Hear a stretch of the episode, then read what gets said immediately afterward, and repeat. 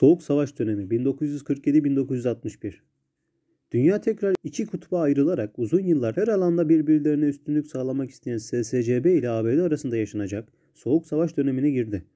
Bu sürecin içinde yer almak istemeyen ve bağımsızlığını yeni kazanan devletler ise 3. Dünya ülkeleri olarak bağlantısızlar adı verilen bir blokta yer almayı tercih ettiler. Blokların kuruluşu 1. Doğu blokunun kurulması SSCB savaş sonunda işgal ettiği bölgelerden çekilmeyerek kendi rejimini yaymaya başladı. Özellikle Bulgaristan, Polonya, Çekoslovakya, Macaristan ve Romanya'da muhaliflerin tasfiye edilmesini sağlayarak kendine yakın uydu devletler kurdu.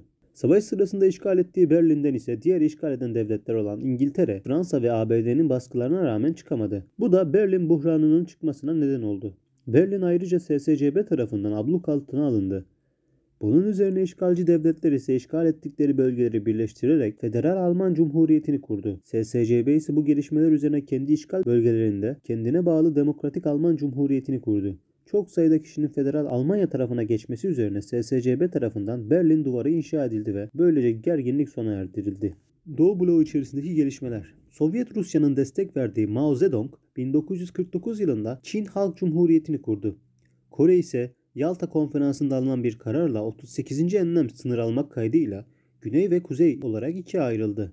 1948'de ABD destekli Güney Kore'de Cumhuriyet, SSCB destekli Kuzey Kore'de ise komünist rejim kuruldu. Küba'da ise Fidel Castro, Batista ile karşılık verdiği uzun mücadelelerden sonra kendi hükümetlerini kurdu. Ancak ABD Fidel Castro hükümetini desteklemedi. Sovyet modeline göre ekonomik ve sosyal düzenin kurulması.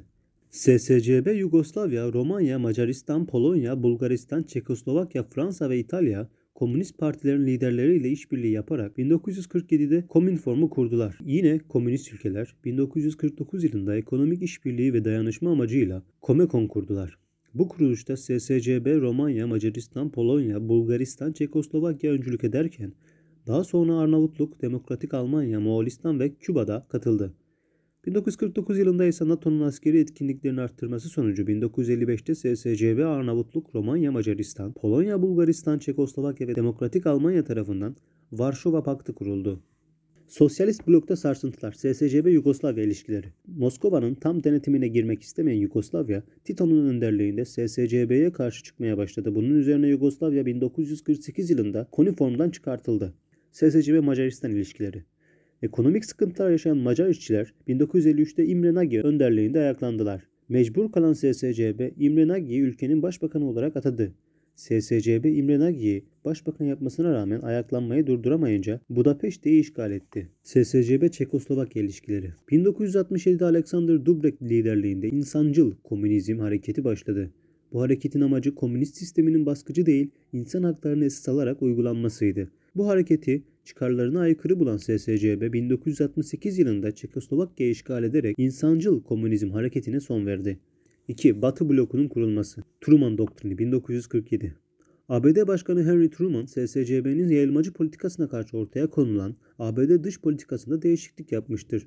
Buna göre Truman, dünyanın iki bloğa ayrıldığını, SSCB-ABD mücadelesinin başladığını, Avrupa'da eskiden etnik bir devlet olan İngiltere'nin yerini ABD'ye bıraktığını söylemiştir. B. Marshall Planı 1948 İkinci Dünya Savaşı'nda zarar gören ve SSCB tehditlerine maruz kalan 16 Avrupa devletine yapılan dış yardım kanununun bilinen ismidir. Bu yardımları alan ülkeler arasında Türkiye ve Yunanistan da bulunmaktadır. Marshall Planı doğrultusunda 16 Avrupa ülkesi kendi aralarında Avrupa Ekonomik ve İşbirliği Anlaşması'nı imzalamıştır. ABD'nin Marshall Planı'nı uygulamaya koymasının ardından SSCB, Comecon ülkelerine ekonomik yardımda bulunmasını öngören Molotov Planı'nı uygulamaya koymuştur.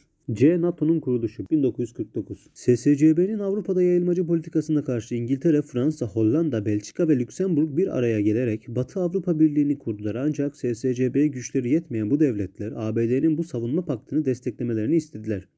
Bunun üzerine ABD, İngiltere, Fransa, Belçika, Hollanda, Lüksemburg, Danimarka, İzlanda, Norveç, Portekiz, Kanada ve İtalya bir araya gelerek Kuzey Atlantik Savunma Örgütü'nü yani NATO'yu kurdular. Kuruluşa Türkiye ve Yunanistan 1952 senesinde üye olmuştur. D. Avrupa Konseyi'nin kuruluşu 1949. İngiltere, Fransa, Belçika, Hollanda, Lüksemburg, Danimarka, Norveç, İsveç, İrlanda ve İtalya tarafından 5 Mayıs 1949'da kurulmuştur. Konseyin amacı üye ülkeler arasında başta ekonomi olmak üzere insan hakları, hukuk, medya, sağlık, eğitim, kültür, spor ve benzeri birçok konuda işbirliği yapmaktır.